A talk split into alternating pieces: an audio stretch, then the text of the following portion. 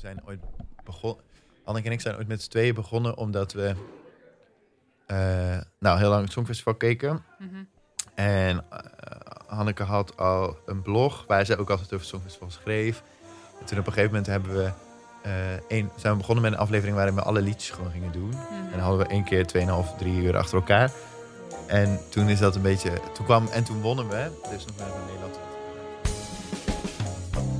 Hallo, mijn naam is Hanneke Hendricks en dit is de podcast Eurovisie Update. We hebben trouwens ook een ondertitel, gewoon een goed liedje. En dat is eigenlijk de naam van de podcast. Maar goed, als je dat dan zegt, dan weet eigenlijk nog steeds niemand waar het over gaat.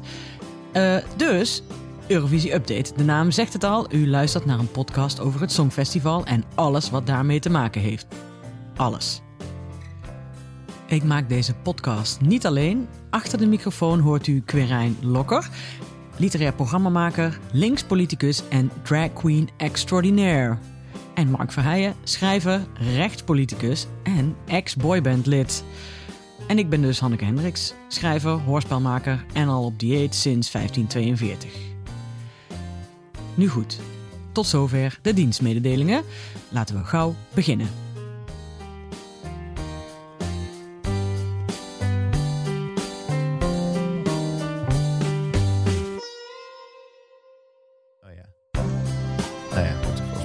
Vijf. Ik Ja. ben één. Ik ben drie. Ja, Ja, doet maar hij hij het? loopt al, hè? Ik Ja. denk het. Oké, welkom bij deze nieuwe eh, aflevering van Eurovisie Update. Ofwel de podcast die eigenlijk gewoon een goed liedje heet, maar die naam is dan weer zo onduidelijk dat we er Eurovisie Update van hebben gemaakt. Want dat is eigenlijk wat we doen. Zeker. En we zitten nu in het verre, verre Amsterdam. Ja. Voor ons allemaal eigenlijk ver. Want eh, Mark is er niet en die eh, heeft ook een huis in Amsterdam. ja, ja, precies. Maar eh, Hashtag vriend van de show. Hij is ondertussen vriend van de show geworden. Nee, we hebben vandaag eh, een hele speciale gast. Eh, helemaal uit Varsenveld. Dus waarom zijn we eigenlijk in hemelsnaam naar het westen van het land eh, gereden? Omdat Amsterdam ons miste, Ja, denk is ik. Het is ook wel fijn om de stad hier... en om met z'n allen bij elkaar te zijn. Dat is Ja. eigenlijk ook de hoofdreden. Dat we lekker met z'n drieën kunnen opnemen. Ja, met gewoon een beetje plastic ertussen. En, eh, maar niet Ja. een scherm. Nee. Of wel een scherm, maar dan een plastic scherm. Ja, en we zijn ook... Kijk, dit is het scherm. En eh, er is volgens mij, omdat we heel laat pas aan het opnemen zijn... is er buiten zijn twee mensen aan het vrij mieboen met z'n tweeën. Ja. Dus mocht u dat horen, dat zijn eh, de lieve mensen. Het is gewoon twee uur 's middags, maar in Amsterdam werken ze eh, nooit zo lang als in de rest van het land. En we hebben eh, Renske te gast. Hallo. Renske, Renske Terveen. Tenveen. Tenveen, zie je? Dat is volgens mij een ding van jouw leven, toch? Dat je altijd... Ja, ter- heel erg. Van Veen, de Veen, van de Ven. Ja, Ja, sorry daarvoor. Nee, maakt niet uit, ik ben het gewend. ja. nee, ik ken het. Ik heb, ben ook altijd Hendricks alleen met een X op het eind. Dat is zeg Ja. maar mijn hele achternaam als ik hem... eh, Ja, ik had er ook een aantal keer, zat ik ook van, is het met CK? Is het CKX? Is het, ja. Ja, dus Tenveen. Lieve mensen, onthoud die eh, naam. En, ehm, eh, want deze special gaat eigenlijk over eh, ja, Oost-Europa. Is dat hoe je dat nou het makkelijkst noemt? ja, eigenlijk wel. Ik altijd wel zo, dus... eh, Ja, jij bent de expert. nou, Maar ik dacht, we gaan eerst even wat... ehm, eh, nee, wacht, laten we je dan helemaal voorstellen. Ja, vind ik ook. Ja, want... eh, nou, wa- wat... Ja, want je... wie ben ik? Ja, precies. Dat is, dat is ook zo'n... Het wordt meteen een hele existentiële aflevering. Ja, Nee, maar we hebben je nou met een speciale reden natuurlijk uitgenodigd. Omdat jij eigenlijk Oost-Europa-expert bent en Songfestival-kenner. Is dat, omschrijf ik dat goed? Of Ja, zou je het ja, zelf ja. zeggen? Op, ja, ik ben eh, in principe songfestivalblogger voor Weerblogs. Dat is voor de mensen die het niet weten een best wel hele grote songfestivalblog. Ja. Aangevend, ook met YouTube-kanaal en alles. En eh, ja, daarvoor schrijf ik heel veel stukken over eh, landen in Oost-Europa. Over Belarus, over Oekraïne en over Rusland. Ja. Dus, ja, dus in principe ben ik wel een soort van eh, iemand die wat ergens van af weet. precies. Ja, Ja. Ik ken altijd zo'n moeilijk woord, dus ja. Nee, maar dat is. Nee, want wij staan. We maken deze podcast nou een tijdje. En ehm, we, kregen wel eens het, we hebben wel eens het kritiek gekregen op een forum. Dat eh, wij inhoudelijk. Dat we wel altijd doen alsof we inhoudelijk over dingen praten. Maar dat we dan niet heel veel. Het altijd goed hebben, laat ik zo zeggen. Maar met jou hebben we dat risico, eh, risico niet. Dus dat is in ieder geval goed om te weten. Krijg wel een grote verantwoordelijkheid in één keer gedeeld. Nee, precies. Nee, maar dan nee, maar- eh, eigenlijk. Of we geven jou de schuld. Het is een beetje zo van. eh, het is een beetje allebei. Nee, Quirijn laat nooit, gewoon nooit de mogelijkheid onbenut om, onze, om, om de, de nieuwswaarde van onze podcast te downplayen. Dat ook, ja. ja. Dat klopt. Nee, maar het, het is wel zo, want wij, eh, mm, volgens mij toen we de vorige afleveringen aan het voorbereiden waren. En toen eh, was net al het nieuws rond eh, Belarus, waar we het zo meteen ongetwijfeld over gaan hebben. En toen dachten we ook van, wij weten eigenlijk helemaal niet precies hoe dat nou allemaal zit en hoe werkt dat nou daar. En eh, toen dachten we, we moeten daar een special over maken. Dus we zijn echt super blij dat jij eh, de gelederen even komt versterken. En een beetje starstruck, omdat Hanneke en ik allebei wel al ongeveer 100 jaar eh, heel veel Wiwi-blogs lezen. Eh, dus nu kunnen we dan ook eindelijk zeggen dat we iemand kennen die daarvoor schrijft. Ja, precies. Want hoe ben je eigenlijk bij Wiwi Blogs terechtgekomen? Nou, dat ik al heel lang geleden, want ik schrijf nu bijna zeven jaar voor Weerblogs. En eh, het was eigenlijk 2014, toen begon het eigenlijk echt, ook echt groot te worden. En eh, toen kende ik het eigenlijk via Twitter, via een andere correspondent toen de tijd voor Roemenië. En had ik een aantal van zijn tweets gezien. En eh, die linkte steeds naar die site Wiwiblogs. En dan ging altijd over Roemenië en Songfestival. En ik denk, huh, wat interessant. Ja. Ik heb een keertje gedurfd om te klikken. Omdat, ik- ja, ik vond die naam is ook een beetje apart. Ik denk, het is toch geen spamsite of zo? Ja, ja, ja. Dus toen kwam ik daar en toen zag ik allerlei andere Songfestival nieuws. En ook gewoon voor mij, toen ik was 15, er was voor mij in principe in ja, begrijpbaar Engels nog. Want zo goed Engels kon ik toen nog niet. Wacht, wacht, wacht. Ho, dus je, je schrijft al vanaf je vijftiende voor Wiwi Blogs? Ja, Oh my god. Wow.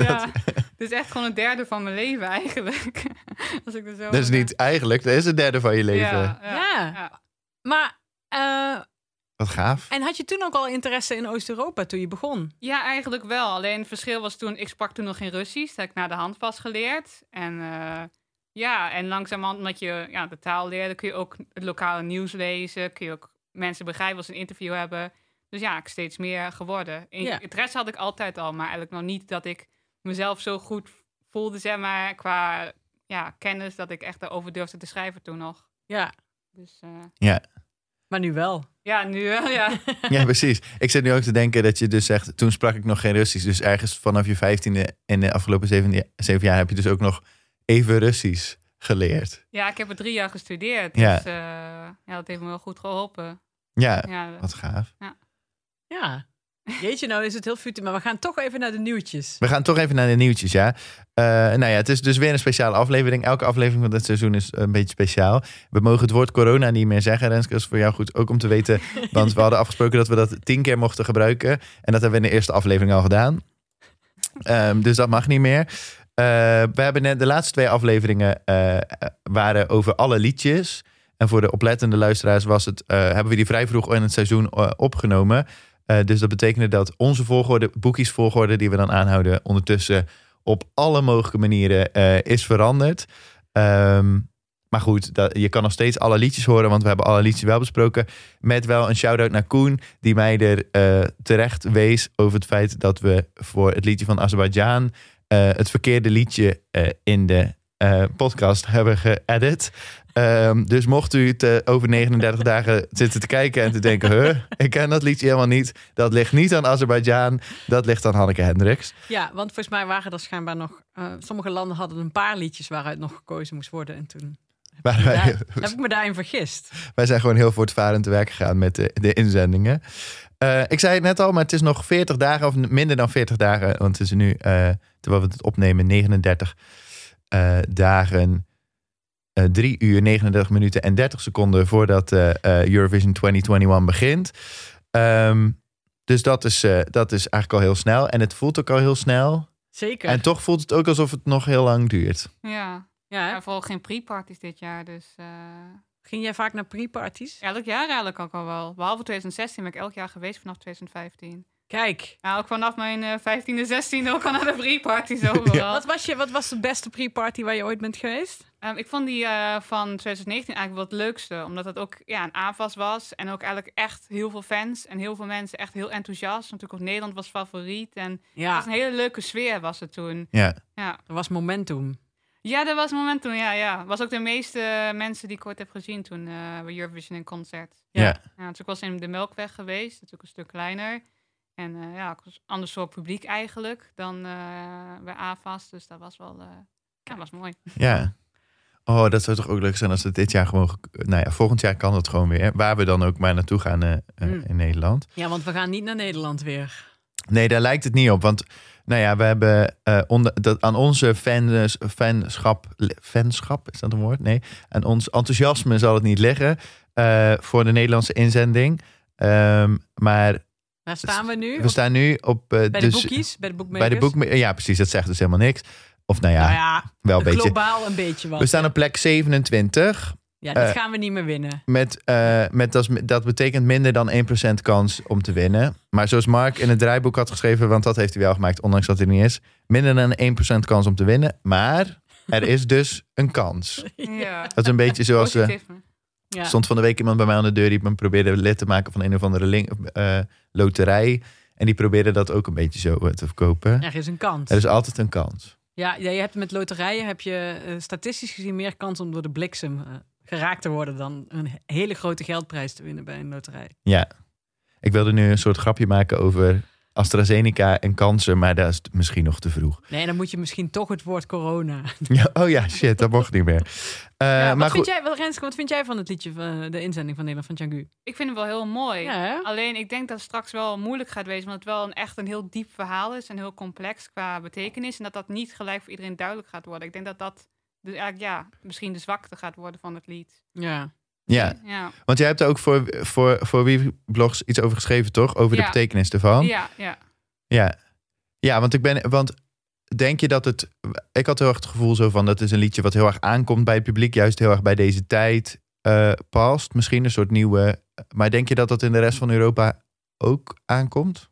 Nou, Ik merkte zelf ook, omdat natuurlijk, ik ben best wel veel bezig met Oost-Europa en zo. En heb je ook eh, bepaalde Russische social network sites waar ze dan eh, ook over het Songfestival praten, Russen dan. En daardoor kwam dat liedje eigenlijk, werd niet heel goed ontvangen ook. Dus Ja. ja, dan heb je gelijk wel iets van, oh, dat zijn, dat zijn al de fans. Hoe gaan dan mensen die dan bijvoorbeeld wat minder fan zijn, misschien wat minder geïnteresseerd zijn in die betekenis, hoe gaan die er dan straks mee om? Ja. Maar ik denk dat het wel heel erg afhangt van zijn optreden straks. Ja. Ja. Dat kan heel vaak heel veel veranderen. Nee, Ja. precies. ja, zeker. Dat vind ik altijd Australië zo'n goed voorbeeld. Ja. Dat toen met, eh, hoe heet zij? Eh, eh, Kate Miller-Heidke. Ja, precies. Ja. Ik zeg altijd Catherine Heigl. Dat is gewoon een soort fonetische iemand die dat totaal niks...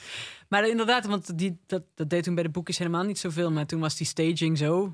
Ja. Dat je ook ineens het liedje begreep of zo. Ja, Ja, maar goed. Maar we zijn... Ja, nou ja, laten we maar weer afsluiten dit stukje met dat het... eh, het Wij, zijn gewoon nog steeds fan trots, en ja. trots. Ja. Er is nog meer nieuws. Eh, het is eh, helaas zijn Hanneke en ik ook dit jaar niet gebeld om eh, commentator te worden naast Cornel Maas. Ja. Ehm, had- jij ook niet, hè? Nee. nee. Ja. Nee, ik had misschien mijn telefoon toch niet uit moeten zetten. Ik weet het niet. Eh, maar het is Sander Lantinga geworden. Die is DJ bij, vroeger bij 3FM en nu bij 538 Afro Tros. Weet ik niet. Hij zit in ieder geval, sinds, sinds 2019 is hij eh, lid van de selectiecommissie. eh, waar ook dus uh, Cornel Maas in zit.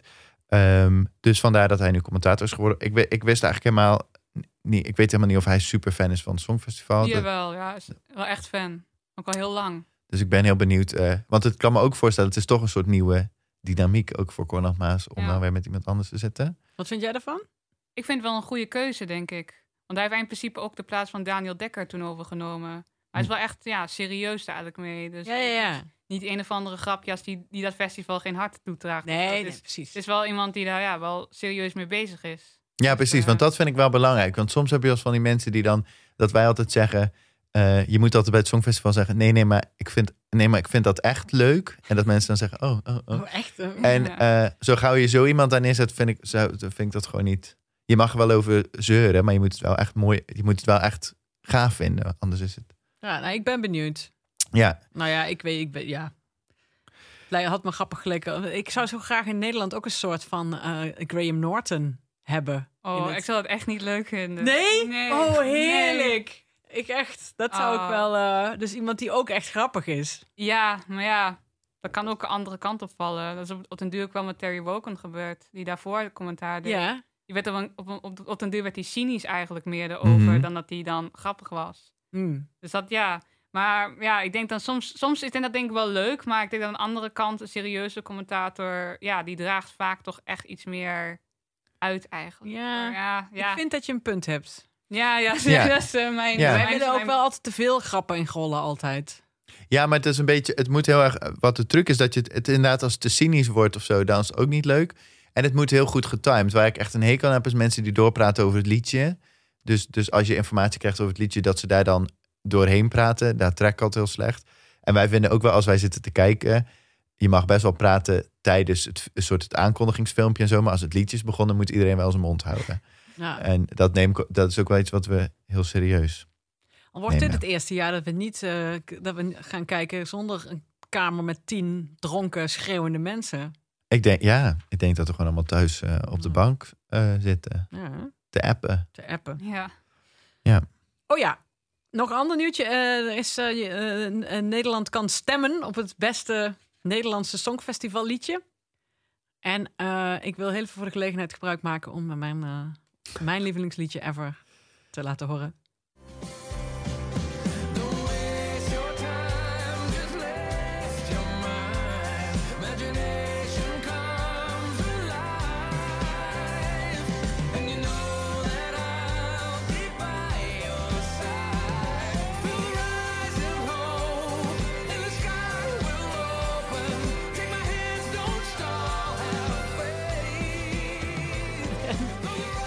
Iedereen verklaart mij voor gek, maar ik, vind, ik ben op een dag, heb ik dat toegegeven tegen Corijn, dat ik dat gewoon eigenlijk een heel erg mooi liedje vind. En dat ik dat ook best vaak voor de lol opzet. Ja, En dus toen op een gegeven moment dacht ik, nee, ik, want iedereen doet altijd lacherig omdat het zo, eh, omdat het laatste werd ooit. Mhm. Het allerlaatste volgens mij. Ja, 43 zou 43. Ja. Ja. Ja. En ik vind het eigenlijk, ik vind het eigenlijk belachelijk. Ik denk gewoon als je het een paar keer vaker hoort, dan. eh, ja.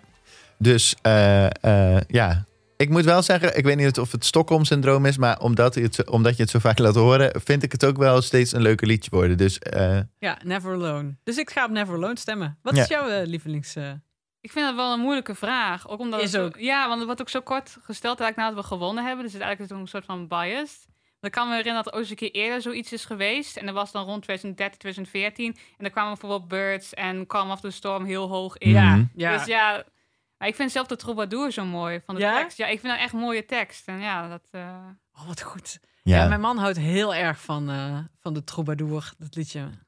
Maar ik vind het, ik, ik hou niet zo van Benny Koor's stem. Echt niet? Ah, ik vind het een prachtige stem. Echt. Ja. Oh, ja, dat is- Je wil allemaal gewoon troubadour.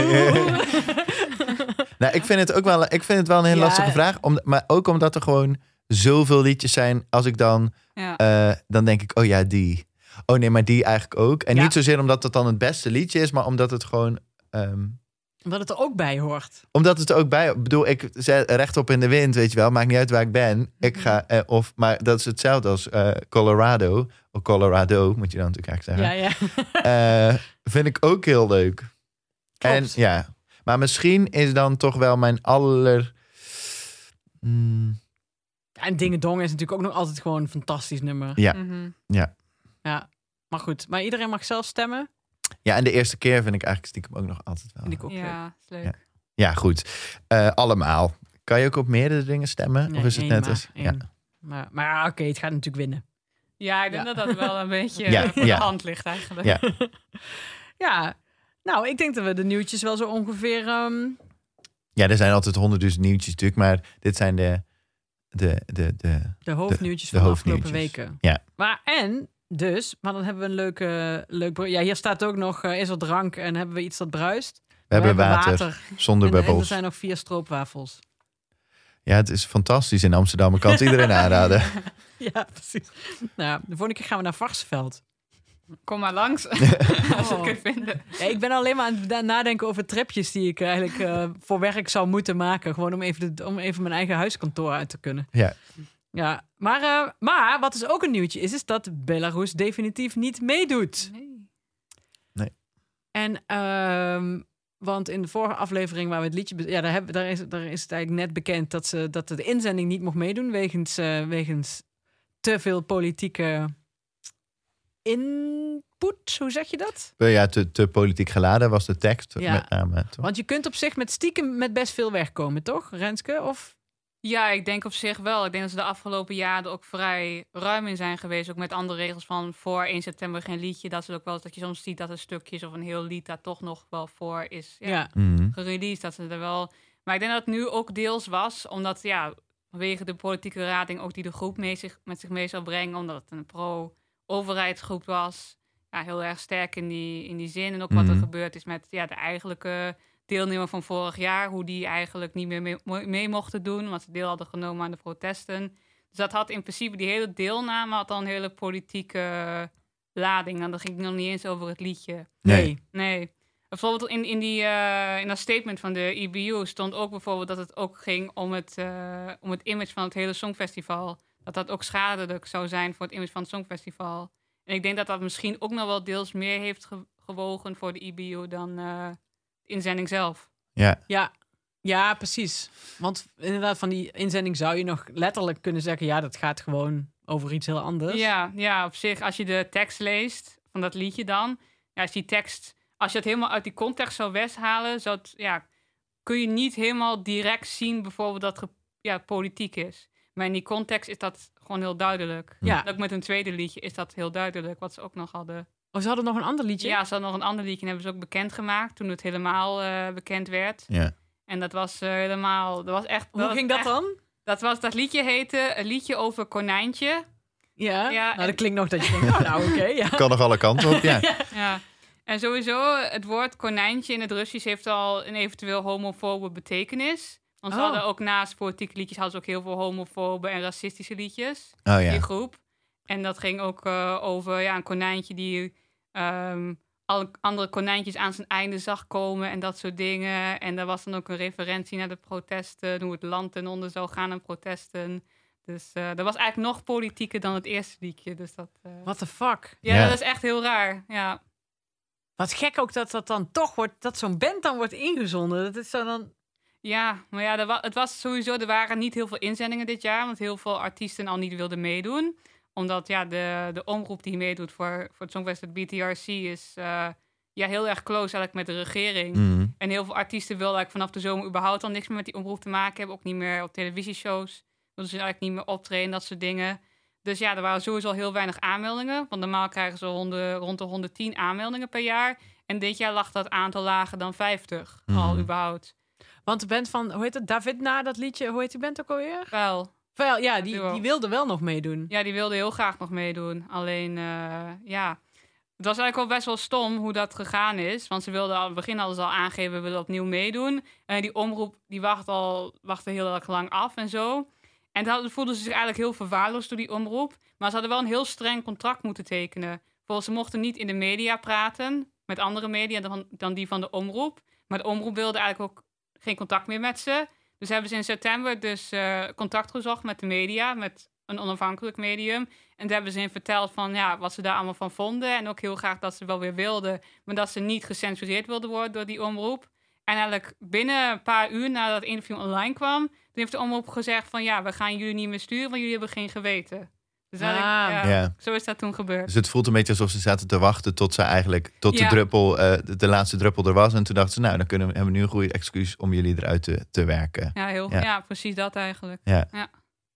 En heb je dan het gevoel dat zij, weet je wel, zo'n zo'n omroep daar, hè, hebben die dan, is, het, is dat gewoon onderdeel van ook een soort politiek statement dat ze dan, van, eh, dat ze dan iemand sturen? Hebben zij, zeg maar, zeggen, überhaupt het idee gehad, oh, dit gaat, hier komen we wel mee weg? Of wa- hoe, hoe werkt dat daar dan?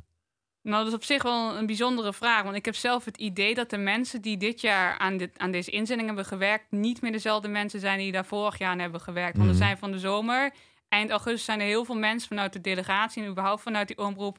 Ja, hebben ontslag genomen en zijn weggegaan. Bijvoorbeeld de commentator, die altijd eh, al tien jaar commentaar deed. Daar, die is bijvoorbeeld weggegaan. Die is ook helemaal gestopt daar bij die Mhm. omroep. Die had ook een talkshow s'avonds. is gewoon in, besloten weg. Ik wil niet meer voor die omroep werken. Want ze vertellen, ja, ze, in zijn woorden dan vertellen alleen maar leugens. Ik wil daar niet meer voor werken. En eh, ja, en op zich, het was een heel raar soort selectie. Want ze hadden al in een soort van reglement dat ze hadden, dat hebben ze elk jaar. Er stond al in van ja, het ligt er nog aan wat voor selectie we gaan doen. Of we een nationale voorronde doen, wat zij in principe elk jaar sinds 2012 hebben gedaan. Mhm. Of een interne selectie. Dus toen had ik al zoiets van, ja, dan gaan waarschijnlijk dus een interne selectie komen als ze dus dan een beetje zo gaan doen. En, en alles liet heel erg lang op zich wachten. Ja. Want ze hadden bepaalde deadlines van ja, we gaan 1, eh 1, eh, van 1 maart was dat, gaan we maximaal bekendmaken als laatste dan ehm, ja, wat we gaan doen. Of we een interne selectie gaan doen of een nationale finale. Maar op een gegeven moment was die datum voorbij en had ze gewoon helemaal niks gezegd. Nee. Dus toen was het eigenlijk, ja, Ja, precies. En ik vind het wel interessant wat jij zei, dat zo'n dat zo'n EBU dan inderdaad, dat het helemaal eigenlijk niet gaat over. Want iedereen zegt dat het Songfestival mag niet politiek zijn, maar is het wel. Maar dat het dus eigenlijk helemaal niet zozeer gaat over de inhoud van het liedje of de teksten van het liedje, maar veel meer de sfeer die eromheen hangt. Ja. En, en wat, wat je daarmee eigenlijk je festival binnenhaalt. Dat dat misschien veel In problematischer zo'n is. geval. Ja, ja, ja, Ja, precies. Dus volgens mij, als het... eh, ja, deze band was natuurlijk wel extreem, dan denk ik. Ja, dit was echt, echt. Ik was er zelf ook heel erg verbaasd door, want ik had dat helemaal niet verwacht. Kende dat- je die band al? Nee, het was een onbekende band. Voor mij totaal, ik had nog nooit van die naam gehoord überhaupt. Ze zijn ook vrij nieuw, las ik. Augustus 2020, na de protesten, zijn ze ja, opgericht. Dus van origine zijn ze een KVN-groep. Een KVN is een soort van Russische, een soort van comedy show is dat. Mhm. Het allemaal groepen, comedygroepen, improvisatiegroepen. En daar Oh? komen zij uit voort. En hebben ze een zanggroep eh, opgesteld. Maar ja, die band is vrij onbekend. Niemand kende dat ook. Ja, Belarusische Songfestival fans, die kenden dat helemaal niet, die hele band niet. Oh, Wat een wonderlijk verhaal. ja. Ja, het is echt heel raar gegaan. Ook omdat, ja, ze hadden ook voor iemand neutraals kunnen gaan, denk ik dan. Voor iemand die jonger Ja. bijvoorbeeld is, die ja, bijvoorbeeld 18, 17 is, laat maar zeggen. Want ja, die, daar gaan Belarusen niet super kwalijk nemen dat zo'n iemand gaat. Want zo'n iemand, die showjong, die kan nog niet in stemmen, weet je. Ja. Want ze zijn ook gewoon naar het junior geweest afgelopen november. En zijn ze ook wel intern gegaan, ook voor het eerst in hun geschiedenis. Maar daar was bijvoorbeeld geen gedoe over. Omdat dat, ja, het zijn kinderen. Dus, ja, precies. Ja. dat vond ik wel bijzonder. Dat ze toch van als je twee kanten hebt, van heel erg pro-democratie dan, van de protesten, en heel erg pro-overheid, dat ze echt de meest extreme pro-overheidsgroep hebben gestuurd die er is. Ja, het is een gekke keus. Ja, Ja, maar misschien is het zit er dan toch ook wel. We hadden het de vorige aflevering over dat het. Je hebt dat, die podcast over eh, The Wind of Change, over dat liedje wat dan al dan niet geschreven zou zijn door de CIA. Dat, dat het een beetje hieraan doet denken. Dat je dus op een gegeven moment dat je zoveel controle gaat uitoefenen op wie je wil sturen. Omdat je dus. Nou ja, dat ze dus dat zo willen controleren dat je dus dit soort rare situaties krijgt. Maar het betekent ook dat daar dus mensen zitten die helemaal niet meer... eh geen helemaal- voeling meer hebben met wat werkt of niet. Nee, precies. Want dit schiet dan zo ver door dat, dat, ze, dat het... Die hebben allemaal ontslag genomen. ja. Ja, maar ook dat, dat ze dus kiezen om iets zo extreems in te zenden... dat ze niet eens meer mee kunnen doen. Nee, Nee, daar waren ze zelf eigenlijk nog wel onder de indruk van. Want ja, ik heb na de hand ook alles nog gezien qua Mhm. hun, hoe zij zelf daarop reageren. En dan zie je een hele, ja, hoe moet ik het zeggen, dat ze zelf eigenlijk zo erg verbaasd zijn dat ze, dat ze dan niet mee mochten doen. En dat ze dan ook zoiets hebben van, ja, de IBU heeft ons niet duidelijk verteld wat er mis was met het eerste liedje. Dat was hun statement, een, eerste statement. En daarna hebben ze een heel statement naar buiten gebracht. Dat was eh, dat de IBU niet functioneerde en eh, ja, en dat het Songfestival weer een grote fout had gemaakt. Liet ze allemaal oude fouten zien. Zeg maar fouten dan, dat er bijvoorbeeld iemand door het podium rent. Dat soort dingen met Jamala toe. Met, Ja, ja, ja. dat soort dingen, dat soort Ja. lieten zien.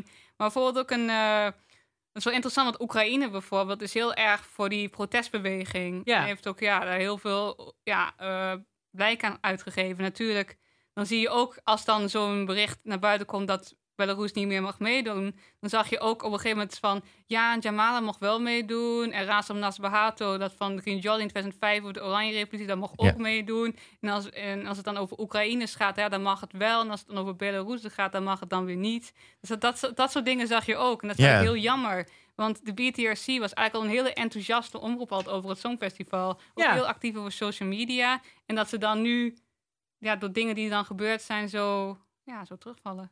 Ja. Ja. ja. dat is wel een gemis, inderdaad.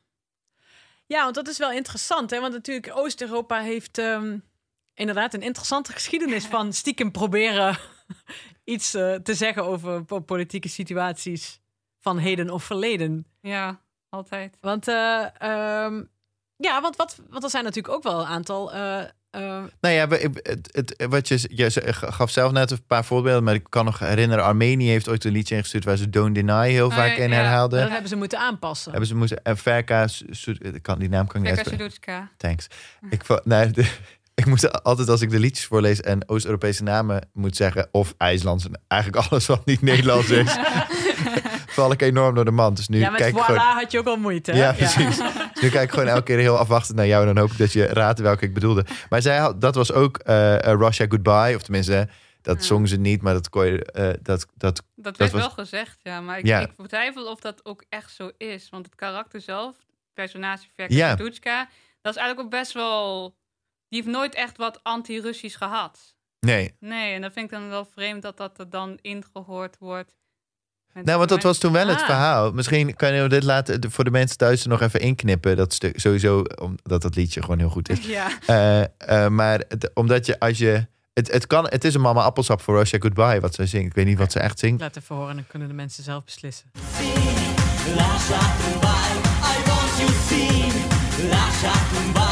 I want you see.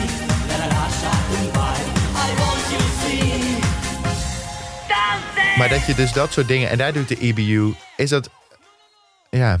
Nee, maar I don't wanna Putin hebben ze er, dat mochten ze ook niet meedoen. Eh, Nee. Georgië Nee, is dat dat. was wel heel duidelijk. vond Ja. het wel een leuke, ja. Ik denk ja. dat op zich ook nog wel mee heeft gedinkt dat het Songfestival ook in Rusland zelf was dat jaar. Ja, Want dat was Ja. ja. 2009. Dus, Ja. ja. Maar, maar is het dan zo, hè? Want wij zeggen dat natuurlijk. Of wij, de, de mensen. eh, dat, dat, dat je die. Laat ik het anders vragen. Ehm, heb je, heb je voor gevoel, is het voor Oost-Europa of voor Oost-Europese landen ook iets meer politiek dan dat het voor ons is? Of is dat gewoon onze soort West-Europese bril, waardoor we zelf onze politieke boodschappen helemaal niet doorhebben als we die sturen? Ehm, ja, ik denk op zich wel. Je ziet elk jaar wel dat de politiek er zich mee bemoeit. Mhm. Maar ik denk überhaupt omdat het voor die landen een heel groot uithangbord is. Voor een, ja, voor wereldtoneel eigenlijk. Maar op zich, ja, anders... Ik denk dat wij in Nederland zich... Wij, ja, wij bemoeien, qua politiek de Nederlanders zich ook wel erg ermee. Want als je dan ziet bij een vooravond, dan met zo'n uitzending... dat Mark Rutte er ook bij zit en ook over het Songfestival praat. Ja, dat heb je eigenlijk daar ook in principe. Alleen ja, daar is het dan, eh, dan is het vaak iets meer boosheid eh, om, om in- inzendingen en hoe dingen geportretteerd worden. Bijvoorbeeld nou met Manija uit Rusland. Dan zie je ook dat zo'n eh, leider van zo'n extreemrechtse partij, twee partijen van het land, die dan ook helemaal over die liedjes gaat, over, over zo'n liedje gaat praten en gaat, gaat bedi- bediscussiëren. Mhm. Dat het niet goed is dan volgens hem. Maar ja, zie je eigenlijk, zijn elke keer ook een soort- van dezelfde mensen in die landen. Dezelfde soort van ja, po- politici. Ja, precies. Ja. Dus dat is eigenlijk... Want we hebben wel heel erg het beeld van dat... ehm, bijvoorbeeld bij- in Rusland, dat dan ook gekon... Ja, hoe moet ik dat nou zeggen? We waren eigenlijk verbaasd dat, ze, dat er nu zo'n quasi linksige inzending... eh, Ja, ja, dat is wel bijzonder. Ook gewoon die hele nationale finale was eigenlijk één grote verrassing. Maar ja, misschien zit daar ook nog wel iets onder van Little Big. Er was eigenlijk, iedereen ging ervan uit dat Little Big weer opnieuw zou Ja. gaan. Mhm. Little Big is natuurlijk wel een groep die vrij progressief altijd is. En eh, ja, die van de zomer ook wat hebben gezegd over de Belarusische protesten. En ik weet zeker wel dat ze bepaalde dingen denken over hoe het nou gaat in Rusland. En die groep zijn er eigenlijk, die is er eigenlijk een soort van half uitgewerkt, kun je wel zeggen. Mhm. Want die zei al tijdens de nationale finale zelf van... ja, we hebben de beslissing met de omroep genomen dat wij nou niet gaan. En toen waren ze in één keer weg. En toen had je die Ja. nationale finale. En die ex van die nationale finale... die waren werkbaar drie dagen voor die nationale finale opgeroepen. En voor Manisha stond gewoon in principe een demo te zingen. Maar wacht even, wat, wat denk je dan dat erachter heeft gezeten? Dat zij zo plotseling... eh, Ja, dat weet ik niet, maar wordt wel over gespeculeerd. Zal dat te maken hebben met wat eerdere dingen wat ze hebben gezegd? Of... dus toch ook... Maar dat, dat ze dus... Dat het niet pro-overheid was, wat ze hebben gezegd. Maar ja, Manisha is ook niet echt... Nee, daarom. Nee. Nee, het is eigenlijk, ja... Terwijl ik kan me herinneren, vorig jaar hebben we het over Little Big gehad. En dat daar ook op een gegeven moment filmpjes naar boven kwamen. Dat zij in Antwerpen, geloof ik, of zo waren. Waar ze nou ook best wel homofoob leken te zijn. Maar, maar je kunt nog steeds... Je kunt homofoob en anti-overheid zijn. Nee, natuurlijk. dat, dat is ook zo. Dat vergeet ik wel eens. Dat klopt. Ja, maar die filmpjes die in Antwerpen, ik weet wel wel- welke je bedoelt. Dat was eigenlijk als een soort van grap bedoeld, maar dat was eigenlijk gewoon een misplaatste grap. Want je gaat niet Ja. zulke grappen maken, niet dat vind ik dan. Maar het, het was geen homofobe groep in principe. Oh, zo. Want ik Ja, weet inderdaad, er was wat... wat ja. Ja. Maar eh, ja, dat vind ik ook eigenlijk wel dom van ze om dan dat daar te doen in Ja. principe. Dat is niet eh, netjes. Was dat. Nee, en plus... ehm, de beste manier om een act... Ik bedoel, zodra je een homofoob uitspreekt... En dat ben ik... En dat vind ik terecht, hè? Begrijp me niet Ja, ja, verkeerd. ja, ja, als ja, Maar dat is natuurlijk ook... eh, het is gewoon heel erg dom, inderdaad. Ook. ja, ja. Omdat, ja, je eh, wordt niet per se gecanceld, maar je gaat ook niet meer winnen. Nee. Nee. Nee, en het... Ik bedoel... Ja. Het hoort niet bij de Dat is- spirit eigenlijk. Nee. Ehm, nee, maar ik vind het wel interessant, want het, juist het, want ik begrijp, eh, die nationale finale in Rusland, zij, zij won ook niet een soort met overtuigende cijfers, toch? Nee, maar zij was ook de minst bekende die daar stond. Want ik, ja, ik, herken, ik herkende haar, dat was wel bijzonder. Ik kende haar omdat zij ooit een keer in 2018 op een rode loper heeft gestaan bij zo'n pre-party in Rusland. Mhm. En William, zeg maar, van Blocks, die dan eh, ja, de, de founder is en alles. Die was daar uitgenodigd als presentator. En die had ook een paar eh, interviews gedaan op de Rode Loop met mensen, mensen die hij eh, zag en die hij interessant vond. En hij weet eigenlijk niet zo heel veel over Russische muziek. En dan was hij op een gegeven moment Manisha tegengekomen. En Manisha kende ook helemaal eigenlijk niet echt ja, Weeblocks en ja, de grootte van Weeblocks. Die heeft Manisha toen als grap tegen Willem gezegd... ja, ik ga volgend jaar meedoen aan een songfestival. Nee. Ja, dat is echt waar. Het is echt Ja. gebeurd. En ja, toen ging dat artikel dus online van dat zij dat had gezegd. Eh ik vond dat wel grappig. En toen, ja, toen kwam er eigenlijk een soort van megi- mediabom ging er boven haar... Ja, barstte boven haar hoofd los. En er kwam allemaal Russische media, kwamen allemaal naar haar naartoe. En toen heeft zij dus besloten van, nou, laat eens een keer meedoen. Maar niemand kende haar. Nee. Niemand, niemand kende Wat haar. gaaf. Ja, dat is eigenlijk heel bijzonder. Maar die twee andere acts die er stonden, was één act die was wel aardig bekend. Dat was Bemashi. Dat is een meidenduo is dat dan. En dan nog een, eh, een groep die eigenlijk ook wel bekend is. Dus in principe, ook omdat je liedjes vooraf niet gehoord hebt, Nee, je wist nee. vooraf ook niet wie meedeed. Ja, er was gewoon ook überhaupt ja, geen touw aan vast te knopen hoe het zou, zou lopen uiteindelijk. Nee, want dan is het dus echt als je de liedjes niet kent, één van de artiesten niet kent en eentje misschien wel heel erg, maar Ja. dan wordt het ook gewoon een beetje. Dan zit, je als, dan zit je allemaal een beetje als vader Abraham thuis op de bank en dat je niet kan Het kiezen. was een hele rare show, omdat het maar één uur zou zijn. Eén, ja, echt waar. Het was van, eh van 8 uur Moskou tijd tot 9 uur Moskou tijd. Toen ging aan het einde van de show nog iets verkeerd met het stemmen. Toen zijn ze tijdens het nieuws nog door gaan stemmen. En toen zijn ze na het nieuws nog twee minuten naar die studio geweest om die uitslag bekend te maken. En Oké, ja. ja, dat was. En tijdens eh, het, eh, de reprisal dan van, van het gebeuren, toen na anderhalve minuut, toen werd het helemaal afgekapt. En toen ben het weer naar het volgende programma weer doorgegaan, omdat anders de vers zou uitlopen. Oh, wat heerlijk. Ja. Wat een, ja, het was echt. eh, Maar wat ik dan wel leuk vind, is dat toen het bij ons zo fout ging, stuurden we Sineke. En zij stuurde gewoon een best niks ten nadele van Sineke. Dat is nu te We laat. houden ook van We houden Sineke. ook van Sineke. Maar, maar zij stuurde gewoon ook gewoon een liedje wat het volgens mij ook bij de odds best wel goed doet. En wat ik gewoon echt een heel gaaf liedje vind. ja, het is echt een tof liedje. Ja, maar dat gaat alle kanten op. Ik vind Ja. het ook leuk. Nou, en zij staat nu 14. Nou, Rusland staat natuurlijk vaak wel hoger. Maar toch denk ik dat het voor heel veel mensen eh, best wel een favoriet kan zijn. Zal zijn, is. Ja, het is wel een liedje wat, waar je wel veel energie voor nodig hebt. En ik Nou, denk dat zij dat ja. heeft, dat dat wel goed gaat. Maar het is natuurlijk wel een risico altijd. Ja. Da- ja. ja. Ja, da- ja dat blijft altijd. Ja, ik ben ja. benieuwd, want Rusland Ja. heeft altijd bij de bookmakers sowieso, voordat ze het liedje insturen, staan ze altijd op vier of zo. Ja. En dan komt het liedje en dan dalen ze meestal, of soms ook niet. Maar ze staan, Rusland kun je eigenlijk nooit eh, op de bookmakers afgaan waar die terecht gaan komen. Nee. Nee, bijvoorbeeld ook met zeker Lazarev met Scream had niemand een hoge positie verwacht in Nee. principe. Zaten mensen van, nou, het zal wel twaalfde of zo worden. En werd het derde. En dan You Are The Only One, dacht iedereen, oh, dat gaat winnen. En dan werd het ook derde. Dus Ja. dat is helemaal- Dus misschien wordt ze derde. derde. ja, misschien we wel. Het is wel Ja. bijzonder. Ja, ja, zou ik wel tof vinden. Ja. Ik denk, ja. ik vind Goed. het wel een tof nummer, ja. Nou, precies. Ik wou zeggen, ik denk niet dat ze gaat winnen. Maar ja, dat, dat is- ook van die voorspellingen die helemaal niks Nee, zijn. Malta gaat winnen. Denk je? Nee, weet ik niet. Ik, eh, ik hoop nog steeds. Ik, ik hou dus wel echt. Ik ben. Ik vind. Ik hoop Frankrijk. Misschien wel, ja. Het is ook dit jaar moeilijk, omdat je heel veel liedjes niet live hebt gehoord. Mhm. Ja. Want normaal gesproken Ja. is wel drie kwart, is, heb je al een keer live gehoord. En nu is het allemaal studioversies. Ja. En ja, Wat denk je? Oh, even, ik, Mark, zijn hele draaiboek is Maakt al niet hier uit. de deur uitgegaan. oh sorry. Nee, nee, nee, helemaal niet. Maar eh, wat, ehm, wat vind jij van Ierland? ik hè? ja, Is het omdat ik een Ierse vriend heb? Of, Nee. Nee, wist ik niet. Oh, Omdat maar dan zij- zijn we ook benieuwd wat hij ervan vindt. Ik vind namelijk Ja. Ierland dit jaar zo interessant, omdat die vorig jaar hebben de, de inzending van vorig jaar had ik een live versie van gevonden en die was zo ontiegelijk vals ja, ja, ja. ik dat ik, eh, dat ik ineens dat ik denk eh, dat ik me afvraag of, ze, of zij kan zingen eigenlijk live.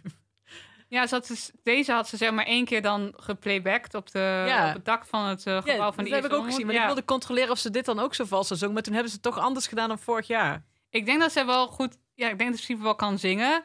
Alleen, volgens mij was zij ook wel iets verkouden met dat optreden van vorig jaar. In ieder geval heb ik gehoord. Dus. Maar ja, er is ook iemand die tien jaar geleden voor een aantal mensen grote hits heeft geschreven. Eigenlijk hetzelfde wat de Verenigd Koninkrijk nou ook heeft met Mhm. James Newman. Die dan Ja. tien jaar geleden voor mensen liedjes heeft geschreven. Waarvan je eigenlijk niet zo goed weet hoe die nou in 2021 zou gaan zingen. Nee. Nee. Dus het is heel moeilijk om te zeggen. Nou, precies. En het is inderdaad, je hebt het niet live gezien. En je hebt inderdaad, normaal heb je natuurlijk precies die pre-parties en al die optredens die er aan de voorkant Ja, want die bepalen toch ook Ja. wel flink hoe, de, hoe populair een liedje wordt. Ja. Zeker. En het is ook. En ik kan me ook voorstellen dat het voor zo'n artiest. Tuurlijk is de druk op de avond zelf veel groter dan bij een pre-party. Maar dan heb je. Dat is. zij zitten ook allemaal al een jaar thuis. Ja, je hebt ook niet even wat, wat kilometers kunnen maken met dat liedje live. Nee, precies. En straks in Ahoy zitten dan wel mensen. En dat zijn er dan niet zoveel als er in andere situaties zijn. Maar ja, je moet dan toch opeens... Ik denk voor heel veel mensen voor het eerst een hele lange tijd... Voor, behalve Australië... eh, eh, voor een groep mensen zingen die daar ook echt voor je zit. En niet op een scherm. nee. Ja, dat is wel een goeie. Heb ik eigenlijk nog niet over nagedacht. Eigenlijk, wat je nou, ik vind het een goeie, goed punt. Ja, Ja. nou, je mag me quoten. Maar eh, Maar wat is jouw favoriete liedje van dit Ehm, jaar? Ongeveer, of één van de. Nou, ik vind Oekraïne zelf heel leuk. Dus zo van Guilty Pleasure is dat. Ja. Welk liedje is dat ook alweer? ja, die vind- Die vind je ook heel ja, leuk. ja. Ja, want ik zei elke keer op de podcast, zeg je, oh, die vind ik zo leuk. Die zeg Dat is, eh, Goa. Go- Ik weet niet of je dat uitspreekt. Oh, Sorry, sorry, sorry. Ja, tuurlijk. Go, Go away. Go, Go away. Go Away is trouwens de enige... Ik ben nu altijd zenuwachtig omdat ik dan op mijn manier al die namen uitspreek. En denk, "Oeh."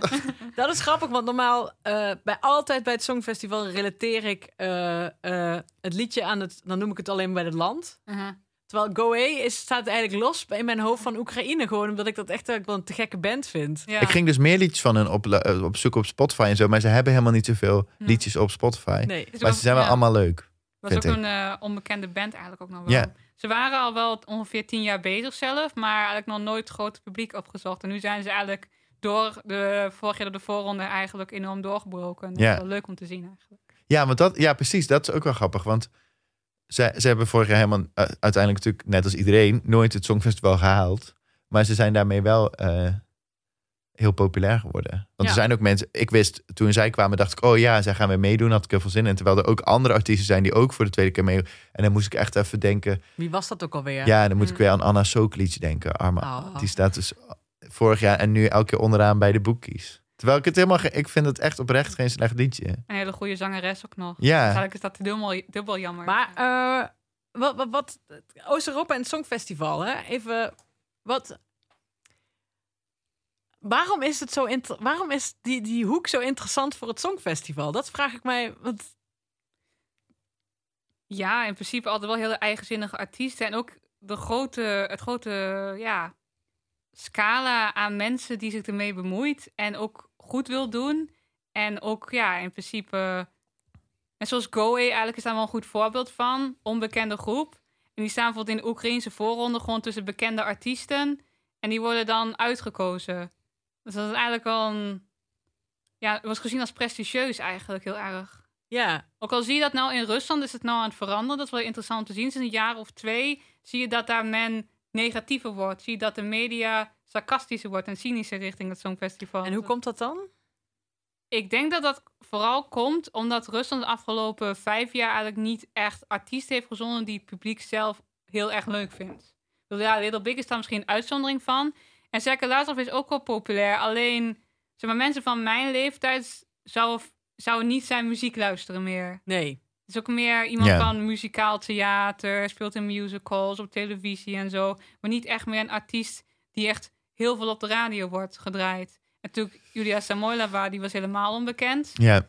Dus eh, Maar is dat misschien ook een beetje te vergelijken dan met wat wij, wat wij ook wel de soort de, de kale jaren van de, Nederlandse. donkere jaren voor Anouk. Ja, die, die in Nederland ook had. Dat, dat je dat qua inzendingen dat mensen daar helemaal niet enthousiast over waren. Dat, dat, dat iedereen eigenlijk alleen nog maar. Dat was echt de tijd dat je moest zeggen: nee, maar ik vind het Songfestival echt leuk. ja, ja. Dat is eigenlijk dan net voor jou. Want jij zei in 2014 ben ik er voor, voor Wiwi Blogs gaan schrijven. En daarvoor was het. Daar, eigenlijk al die jaren daarvoor zo'n beetje.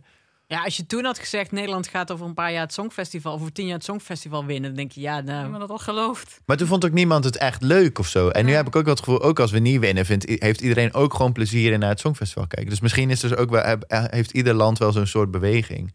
Ja, ik denk dat Ja. wel. Je ziet ook vaak een resultaat. Je ziet een aantal jaren dat het land zich heel goed eh weet te redden. Bijvoorbeeld Ja. Denemarken zie je bijvoorbeeld ook. Was 2012 was het heel goed, 2010 was het heel goed, 2011 heel goed. En de laatste jaren zie je bij Denemarken echt een kaalslag. Ja, Echt gewoon heel slechte resultaten. En dit jaar is natuurlijk ook Ja. weer kijken hoe vuur en vlam het gaan doen. Dus, terwijl eh, Vuur en Oh. Vlammen vind ik echt heel leuk. Maar goed, Ja. dat is meer mijn jaren ik tachtig. denk dat dat live helemaal niet gaat overkomen, dat liedje. Nee, dat klopt. Maar ja, nee, maar, goed, misschien ja. zie je dat inderdaad bij alle landen. En, en bij de UK zie je het Want altijd. Misschien, misschien is dat dan ook helemaal niet zo. Wat ik, ehm, daar hadden we het, hadden we, hadden we het hiervoor over, Corijn en ik, dat het, eh, eh, dat, dat, dat vaak het idee heerst dat er allemaal vriendjespolitiek is tussen Oost-Europese landen. Maar volgens mij, Nee, is niet zo. nee. Dat valt heel erg mee. Het is ook wel vaak zo dat ze wel artiesten sturen, zoals een Sergei Lavrov, Polina Gagarina. Dat zijn artiesten die ook in Oekraïne, en ja, Oekraïne is natuurlijk helemaal een moeilijk geval met Rusland, of ook in een Belarus, bij een Russische diaspora in de Baltische Staten heel populair zijn. Zoals ze herkennen gewoon de artiesten. En dan zie je ook op de Balkan dat men bijvoorbeeld op, in, uh, vanuit Servië of vanuit Montenegro artiesten stuurt die gewoon over de hele Balkan bekend zijn. ja. Moet je eigenlijk vergelijken, stel nou België stuurt Stromae Mm. ja. zou dat hier ook veel punten krijgen. Maar dat is niet omdat wij ja, België zo leuk vinden als dat, maar dat- omdat wij Stromae kennen en dat waarderen wij. Nou ja, precies. Want we hebben ook wel eens een aflevering over gemaakt over, eh over vriendspolitiek. En dat de Universiteit van Twente, waar jij dus ook aan studeert, vertelde je net, heeft er ook wel eens onderzoek naar gedaan over wat dat nou precies betekent. En het lijkt, het, er zitten inderdaad wel bepaalde verhoudingen tussen landen, zie je terugkomen in stemverhouding. Maar dat is inderdaad vaak gewoon vanwege diaspora en zo. Maar ook omdat we. Ik heb ook wel eens het gevoel dat er in Nederland ook wel heel makkelijk wordt gedacht. Als er dan iemand uit, als er heel veel mensen uit Servië op, eh, op Letland stemmen, dan zeggen wij, oh ja, het is allemaal Oost-Europa. Maar het was ook wel heel mooi een aantal jaar terug met, eh, het was in 2017 toen met eh Ogene. Toen was Roemenië aan de beurt met stemmen van de juries. En toen zei volgens mij Cornel Maas, volgens mij, het kan ook Jan Smit zijn geweest. Een van die twee zei toen, ja dan krijgen we geen punten uit. En toen kregen we 12 punten vanuit Roemenië van de jury. Ja. Ja, dat, was Oh. eigenlijk, dat, was, dat vond ik ook wel een mooi moment. Omdat dat aantoont dat het eigenlijk niet meer zo is. En je ziet ook steeds minder eigenlijk dat die landen heel erg close met elkaar zijn. Want ze ook steeds meer de muziekcultuur van hier meekrijgen. Wij krijgen hun muziekcultuur mee. Ja. Dus eh, Ja, want je ziet ook wel in het, vers- met, met elk jaar, het, is niet te voorspellen of, de, ja, vooraf te voorspellen of, of nou een land uit het oosten of een land uit het westen gaat winnen. Of uit het zuiden of het noorden. Op dit Nee, moment. nee, en ik weet ook bijvoorbeeld toen, toen ehm Bryce Like a Phoenix won, waar kwamen daar ook van het Russische thuispubliek heel veel stemmen ja, vandaan. punten. Ja, Dus eh, niet zozeer van de jury, geloof ik. nee, Maar, eh, publiek wel. dus het is ook heel erg, ja, dat publiek vindt elkaar natuurlijk ook op allerlei andere manieren steeds meer. Ja. En worden we toch een soort één Europa. ja, het is ook gewoon fijn. Ja, dat, ik heb wel eens eerder gezegd, en I will say it again, met meer songfestivals zou er minder oorlog zijn. En daar ben ik ook nog steeds van overtuigd. Ja, Een Want- mooie gedachte. Ja, dat is ook een Ja. mooie gedachte. Want we, we hadden het net al heel kort aan, maar wat het, het Songfestival, eh, je zegt in Oost-Europa is dat ook wel toch ook wel een prestigieus iets. Ja, ja, eigenlijk wel. Anders dan in Nederland of dan, dan in Nederland of België. Nou, eigenlijk niet anders dan in Nederland en België, omdat hier ook wel een prestige ding is eigenlijk. Ja. Iedereen praat over, alle media praten erover, alle talkshows in de Songfestivalweek hebben het erover, de kranten hebben het erover. En in die landen eigenlijk ook wel. Eigenlijk is dat niet anders dan, dan hier. Alleen, ze hebben het daar wel heel erg over dat een liedje van een bepaald soort maat moet zijn, van een bepaald soort format, zeggen ze dan altijd zelf. Waarbij eigenlijk ook vroeger zeiden van, nou, dat is echt een Songfestivalliedje. Dat hebben ze daar nog wel heel sterk. Terwijl het hier eigenlijk niet meer En, ja, en dat is dus dat is met, eh, met, veel, eh, met veel haar, veel vuurwerk en, eh en ja, trommels. ja. in Trommels met water. Ja, trommels met water. Ja, Ja. ja. Ja, terwijl wij dus altijd tegen elkaar zeggen dat, het, dat vaak juist bijvoorbeeld eh, Albanië, die ook, eh, en nu ook Rusland, die dus deels een eigen taal zingen, dat dat juist eh, vaak juist heel tof is. Dus dat het. Maar goed, wij zijn niet per se een doorsnee van de. De- want heb je ook een visie op, eh, ehm, zeg maar, dat, dat, dat die landen op een gegeven moment mee mochten doen met het Songfestival? Heeft dat ook iets gedaan met zo'n land? Maar ja, voor mij is het ook wel moeilijk om... Ja, precies. Ja, ik ben, ik ben niet zo heel oud. nul was. Ja. Nou ja, ja. Ja, er staat hier, dat is wel leuk. Voor de mensen thuis staat er. ehm, cruciaal is natuurlijk de val van de muur in 1989. Eh, toen was ik twee en jij was Negen. negen en jij was er nog heel lang niet. Ik was min 9. ja, precies. Eh, en de ontbinding van de Sovjet-Unie in 1990. Ah, toen was Mark natuurlijk al lang. eh Mark was er toen 24 al heel lang. Ja, Sorry, Mark. heel lang. We plagen hem altijd dat hij er niet is. Ja, en, maar goed, is het voor die... Want die landen zijn natuurlijk wel allemaal eh, in verschillende perioden erbij gekomen. De jaren negentig eh, kreeg je heel veel landen van het voormalig Joegoslavië. Eh, Rusland kwam in 1994 en toen in de jaren eh, nul, heet dat de jaren nul? Ja. Kreeg je ook Oekraïne en zo erbij. Mhm. Is, dat, is het nou iets voor die landen zoals bijvoorbeeld... Is het, is het te vergelijken met Australië, die eigenlijk nou ja, die een heel ander continent is... maar wel heel erg fan was van het Songfestival als land... en heel graag mee wilde doen. En dat nu ook een soort was do- gaan doen. Was dat voor deze landen ook iets? Dat ze eigenlijk dachten, oh, daar hadden we altijd al aan mee willen doen... en hebben we heel veel zin in. Het zijn wel landen al met een rijke muziektraditie. Dus je ziet Oekraïne en de Baltische Staten en ook Belarus en Rusland. Dat zijn allemaal landen met een hele rijke muziektraditie. Dus eigenlijk is het dan ook niet raar dat ze dan interesse in dat hebben. Ja. Ook omdat ze zelf altijd lokale songfestivals hebben gedaan. En eh, heel erg met muziek zijn bezig geweest, ook op televisie. Is eigenlijk wel een vrij logische stap dat ze daar ook interesse Ja. voor hadden. En de, en de Songfestival fans, zijn die nou significant anders in Moskou dan in Amsterdam? Ik denk wel dat ze een andere smaak hebben. Maar ja, ze zijn... Ik vind Russische fans altijd wel leuk. En Oekraïnse ook. Maar die zijn zo lekker fanatiek. Dat is eigenlijk net zoals Nederlanders en Spanjaarden. Die zijn heel fanatiek. Als je ze vergelijkt met Frank Fransen bijvoorbeeld. Ja, die zijn wat minder aanwezig. Ja, Ja, je bijvoorbeeld hier echt wel een fancultuur in Nederland. Mhm. En dat heb je daar ook wel in Oekraïne en Rusland. Ja, Belarus wat minder. Het is ook een wat kleiner land. Maar Ja. ja, dus dan... eh, maar ik, ja, anders. Ja, ze vertonen zich anders. Zitten op andere social media. Ze reageren anders op liedjes. hoe dan? Anders? Ja, bijvoorbeeld zo'n liedje zoals Nederland, Ja. dat een echt zo'n diepe betekenis is, dat vinden ze vaak toch iets minder leuk. Ze zijn toch vaak wel voor de iets meer extravagante liedjes. Dat vinden ze iets leuker. Dus vaak. daar, daar haalt San Marino steeds het succes vandaan ook. Stemt ze Oost-Europa veel op San Marino dan? Nee, weet niet wel. San ik Marino niet. heeft altijd van die liedjes met geen enkele diepgang. Oh, met voornamelijk eh, iemand eh, die... eh wij maken altijd de grap dat San Marino altijd eh, elk jaar dezelfde... Om de beurt iemand de oh, ja. ja. Dat ze twee mensen hebben, die sturen ze gewoon om de beurt. En dat valt dan niemand aan. Maar ik vind San Marino wel ik ook. Ik vind het ook leuk. Gewoon omdat het zo... we gaan volgend jaar een nationale selectie doen, hè? In San Marino. Ja, dat is ook een nieuwtje. Wat?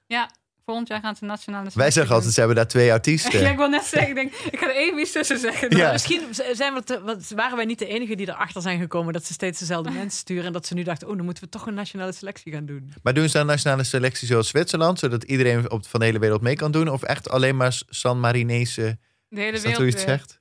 Maar ze hebben toen ook een keer One in 360 gedaan. Dat was dan ook zo'n internetselectie. En dat is eigenlijk ja, niet heel goed af- afgelopen toen. Nee. Maar nu hebben ze iets totaal nieuws. En eh ja, is verder nog niet heel veel bekend over. Maar ik verwacht wel dat het internationaal gaat wezen. Ik bedoel... Ja, Hoeveel nee, mensen ja. we- wonen daar even Ja. 35.000 die nog niet hebben meegedaan. Ja. Alhoewel het ook heel leuk is dat elke muziekschool in San Marino dan de beste eh, zanger of zangeres kan sturen. Ik zou het zo leuk vinden als Serhat weer gewoon een keer kwam. Misschien Ja, dat is al wel een jaar geleden. Ja. Ik was van, ja. We, vorig jaar liepen wij hier weg toen we dus de, la, de laatste op- aflevering hadden opgenomen van vorig jaar die, voor de lockdown. En toen stond er ergens hier in Amsterdam eh, graffiti op de vloer waarop dan stond San Marino 2001, eh, eh, Ja. met het logo van het Songfestival San Marino 2021. Dus dat hoopten we toen heel erg. Of ik hoopte dat heel erg. Ja, maar dat, little did we know. little did we know, ja. Ja, Ja, heb jij nou nog een soort van, soort van geheime informatie of soort goede informatie over, over Oost-Europa dat je denkt, ja, dat moet ik eigenlijk, dat moet ik eigenlijk nog delen over Oost-Europa op het Songfestival of over andere landen op het Songfestival? Een soort scoops Scoops. of goede, goede, goede verhalen. Ik heb altijd wel goede verhalen over Oost-Europa. Ik, wat, wat is het bizarste verhaal? eh, ik vind altijd nog wel heel bijzonder. ehm, toen, eh, ja, ik mag het niet over corona hebben, maar... Nou, Ja, vooruit. ja. Jij wel. Nou ja, in, eh, eh, in Nederland had je natuurlijk een briefje van Bruin, zeg maar, over de corona, eerste coronageval. Hmm. En ik denk altijd weer terug aan het memootje van Marouf. dat was in eh, de Oekraïnse voorronde. Dat was toen, eh, ik weet niet of je dat hebben meegekregen, twee jaar geleden was Marouf won daar. Dat was eh, ja, lokaal bekende zangeres. Hmm. Die had ook heel veel eh, concerten in Rusland, was ge- getekend bij een Russisch platenlabel. En die wilde eigenlijk ook mee doorgaan. En tijdens die selectie, dus dat begon met eerste halve finale, toen tweede halve toen finale. Eh, tussen die twee voorrondes eigenlijk is er in de politiek een heel, hele grote rel ontstaan. Dat, ehm, dat ze vonden dat Marouf niet geschikt zou zijn als zij zou winnen, die voorronde dan, om, om, om naar het Songfestival te gaan. Omdat zij eh, zoveel contact had met Rusland dat daar Ja. optrad. Ja, Wat eigenlijk vanuit de Oekraïnse perspectief natuurlijk ook wel vrij logisch is qua politiek hoe het daar zit. Ehm, dus toen op een gegeven moment kwam dus die nationale finale en dan mag het publiek ook stemmen. En Oekraïne is het heel bijzonder. Daar, houden ze de nationale finale altijd samen met een commerciële omroep. Dus dan Mhm. heb je dan de publieke omroep en de commerciële omroep houden die nationale finale samen. En in principe houdt het in dat de commerciële omroep alles betaalt en faciliteert. Maar dat de deelnemer dan via de publieke omroep gaat. Dat is eigenlijk het idee. En op den duur was het uitgelopen op zo'n grote rel... dat ze eigenlijk hadden besloten al bij de publieke omroep... wij gaan, als Maroef wint, gaan, gaan we haar niet sturen. En toen kwam op een gegeven moment... tijdens het, eh, net voor het stembekend maken, stond de presentator dan, die van, van de commerciële omroep stond daar, kwam er in één keer achterlangs, kwam er zo'n jongetje, jonge man kwam daar aangelopen met een memootje. Die schrijft zo die, die memo op dan zeg maar zo'n presentatieblaadje van die presentator. Die presentator kijkt erop en die, en die zegt op een gegeven moment met zo'n grafstem van ja, eh, ik wil nog even mededelen. De publieke omroep behoudt het recht om eventueel iemand anders dan de winnaar van vanavond aan te wijzen. Oh my god. Dus dat was echt een super dramatisch moment. Oh, Ja. en, oh wat vreselijk ook. Want toen hebben ze toch uiteindelijk niet meegedaan? Nee, omdat eh, toen hebben ze nog maar roef gezegd... nou, als je al die eh, concerten afzegt en als jij niet Ja. gaat tekenen... Dan, dan mag jij gaan. Nou, Ja. dat wilden ze natuurlijk niet. Nee. Toen hebben ze aan de nummer 2 gevraagd of die wil. Die wilde ook niet. Toen hebben ze aan de nummer 3 gevraagd. Die wilde uit solidariteit ook niet gaan. Toen zijn ze naar de nummer 4 geweest. Die hebben ook gezegd, wij gaan niet. En toen was het eigenlijk wel duidelijk... dat eigenlijk van de andere 28 kandidaten ook niemand wilde. Ja, En toen Nee. hebben ze het afgeblazen. Wat een verhaal ook. de memo van, Van Marouf. Marouf. Oh, wat een verhaal ook. Oh, en dat- je moet je toch niet voorstellen dat je daar staat. Ja. Ik denk, ja. En Toen dat, wist iedereen ook al hoe laat het was eigenlijk. ja, precies. Want dan. Ja. Ja. Maar ja, sowieso Oekraïne is altijd wel leuk met die voorronde. Omdat het ook wel eens een keer is gebeurd dat een... ehm, het was in 2017, toen hadden ze zelf gewonnen. En dat er gewoon slaande ruzie was. Ze hebben dan zo'n jurypanel van drie, drie leden. Dat er gewoon slaande ruzie was tussen het jurypanel over wie zou gaan. En had je uiteindelijk drie artiesten die waren dan kanshebbers. Dan had je O Torvald, dan had je Tajana en dan had je Melovin. En ehm Melovin die was publieksfavoriet eigenlijk. Mhm. Alleen twee leden van de jury vonden hem eigenlijk nog niet goed genoeg. En dan had je één lid van, lid van de jury, was Andriy Danilko. Dat is ook degene die Fjaka Sedutska speelt. En die vond echt dat, dat Melovin naar het Songfestival moest. Dan had je Tajana, die was dan heel populair met die twee leden van de jury. En ehm, niet zo populair eigenlijk met het publiek. En dan had je O Torvald, die was eigenlijk iedereen's nummer twee eigenlijk. ja, precies. En toen eindigde die nationale finale in dat ehm O Torvald en Tajana allebei 11 punten kregen. En Melovin 10. Nee, Melovin kreeg er 8, maar wel 6 van het publiek. En twee Ja. van de jury. Ah. En toen was er een heel, ja, heel groot drama in die studio eigenlijk. Want toen ging iedereen Melovin scanderen. En dat zag je ook op televisie. Dat zag je ook op televisie. Ja. dat, was, dat echt een heel raar moment. En toen is na de hand enorme ruzie ontstaan. Want Andriy Danilko die was boos dat Melovin niet gewonnen had. En had je nog een ander jurylid. Dat was Constantin Melatz, een hele bekende producer. Die was boos omdat Tajana niet gewonnen had. dus eigenlijk was niemand tevreden met de winst van O Torvald. En dan zie je ook op het einde staat iedereen er ook zo bij. van wat moeten we doen? Ja. En die O Torvald staat er ook bij van ja... Oh, Ja, dit is een ja. Maar dit is ook echt een klassiek als twee honden vechten op een been, toch? Dan heeft de derde wint, maar wil eigenlijk niet. Of Ja. dat, ja. Maar bijvoorbeeld dan een van die juryleden is per direct opgestapt. Die wilde niet meer terugkomen, want die was zo boos. Die, is ook op, die was ook de muzikale producer eigenlijk van het hele gebeuren. Net zoals Erik van Tuin ook is van het Songfestival. Die is er in die rol ook opgestapt. Dus die was Oh. heel erg boos. En er waren allemaal backstage filmpjes van dichtslaande deuren en Oh, mensen boos. heerlijk. En het jaar daarna Ja. kwam Mellowin weer terug en heeft hij wel gewonnen. En Dat is dan de goede comeback story. Doet het Ja. ook altijd goed natuurlijk. ja. Oh, wat een goed verhaal ook. Heel goed verhaal. ja, als je een goed verhaal wil weten, moet je Oekraïnse voorselectie kijken. Dus dat is... Dat is Ja. wel een goede tip. Dat gaan we volgend jaar gewoon doen. Ja, we pro- ik probeer het altijd, maar goed, mijn, mijn, eh, eh, mijn eh, Oekraïens, is het Oekraïens? Praat ze Russisch, Oekraïens? Weet ik Nou, veel. Ga ik al. Hier, hoppa. Ja, het ligt er een beetje aan. Nu meer en meer Oekraïens. Elke keer wordt het Oekraïenser. Maar toen ze voor de allereerste keer die voorronde ging houden in 2016... was er nog een Russisch-talige presentator. Oh, ja. Ja, daarop niet meer. En heel veel ja, mensen in Oekraïne spreken nog Russisch. Bijvoorbeeld mensen uit Odessa, mensen uit het oosten van het land. Die spreken vaak nog Russisch. Maar je ziet wel steeds meer dat die ook Oekraïens proberen nog te praten. Wat ze Ja, kennen. precies. Ja, dus Ja, maar het ding is dat ik dat, dat ik het natuurlijk allebei niet versta.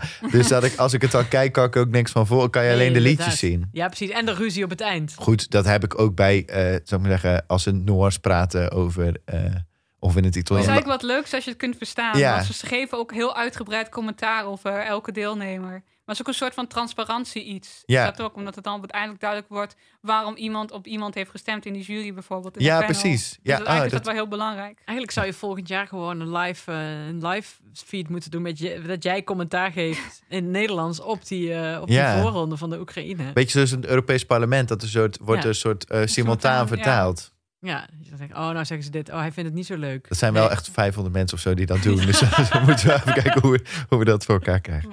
Ik doe het wel binnen videoblogs. Tijdens dan, als dat dan zo gaat, zo'n voorronde, en dat is dan in het Russisch. Ja, Dan doe ik altijd wel, dan heb je dan... Dan, dan, dan maak ik zeg maar, zo heet het dan, zo'n topic aan. En dan, dan, laat ik ook, dan maak ik helemaal een soort van live blog wat iedereen zegt. En dat wordt dan eh, door mijn collega's ook gelezen. En, Kijk! ja, dat doe ik dan wel. Dat is dan eh, mijn simultaan vertalen. zo en dat stuur je gewoon in een soort WhatsApp-achtige eh, app, moet ik Ja, aan en dan zo Ja. van onze redactie waar wij dan hebben. Ja. Dus, Ja, nou, dan gaat Quirijn zich volgend jaar inlullen, denk ik. Nee, maar dat lijkt me dus echt... Nee, maar dat... Want ja, Ja. want ja, dat is... Ja, Dan kun je het, dan, dan kun je het wel ja maar ja, dan ga ik me daarin... Ik spreek niks anders dan Nederland. Een beetje... Nee, nee, maar dan kun je haar blog, eh, als je Oh. haar live feed zou kunnen Ja, volgen. ja, precies. Dan wil ik gewoon een live feed volgen. Ja. Dat zou ik wel... Nee, ik dacht dat ik me dan, dan ook iets moest simultaan vertalen. Maar Nee, dat nee. kan ik... Volgens mij vindt hij het leuk. dat je dan Ja, ik kom Kijk echt... het boos. Dat kan je alleen als je mensen in het Zeeuws mee laat doen. Dan kan ik... eh, of Ja. het vlak Kees. Van Kees. Nou, eh, ik denk dat we rond zijn. Ja, ik vond het heel leuk. Ik heb heel veel geleerd. Ik heb ook echt veel geleerd. Ja, ik vond het heel interessant. nou, mooi. Ja, we hebben denk ik nog één vraag. Ehm, want die vragen die stellen we altijd aan elkaar. En vooral ook aan de mensen die luisteren. En kunnen die ook insturen. Maar de originele naam van deze is gewoon een goed liedje. Eh, omdat, eh, ja, als een, pod, als, een, als, een, als, een, als een songfestival liedje werkt... dan is het gewoon een goed liedje, vinden wij altijd. Ja, precies. Dat is eigenlijk, waar, waar kun je bijna elke discussie mee, eh, mee afsluiten. Ja. Als het gaat over songfestival. Ja, nee, maar dat is gewoon een goed liedje. Even los van, Ja. de, van het vuur of het haar. Of Ja, het, en eh, dat kunnen guilty pleasures zijn... of een soort dingen uit het verleden waarvan je denkt... oh, die vind ik altijd zo fijn. Dus dat is dan ook onze vraag aan jou. Wat is voor jou... Je hoeft niet het favoriete liedje... maar wat is voor jou een liedje van het Songfestival... of van dit jaar of van een paar jaar geleden... waarvan je denkt... ja, dat is voor mij echt gewoon een goed liedje. Ik denk dat ik echt met een heel, heel, hoe noem je dat, simpel antwoord ga komen, maar toch Amor Pelos Dois. Dat, dat blijft, vind Ja. ik een goed liedje. Ja, dat, Dat is- ja. Dan gaan we, Ja, daar ja. dan gaan we daar gewoon mee eindigen. daar gaan we gewoon mee eindigen. In alle rust. Ja. En dan gaan wij, want eh, het wordt donker. het wordt En donker. dan gaan we voor de avondklok naar huis. Ja. Ja, precies. En eh, zien, ho- zien we eh, niet. We horen we elkaar, horen jullie ons de volgende aflevering eh, weer. We weten nog niet waar die aflevering over gaat. Ehm, Maar dat komt goed. dat komt goed. We hebben nog genoeg Eh, onderwerpen. Wilt u zelf een eh, goed liedje aandragen? Kan dat via vriendvandeshow.nl slash Eurovisie. Laat daar iets achter. Oké, spreken we over een paar weken weer. Tot ziens. Coração não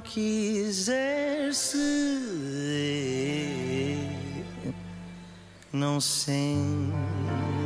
paixão, não quiser sofrer, sem fazer planos do que virá depois. O meu coração pode amar dois.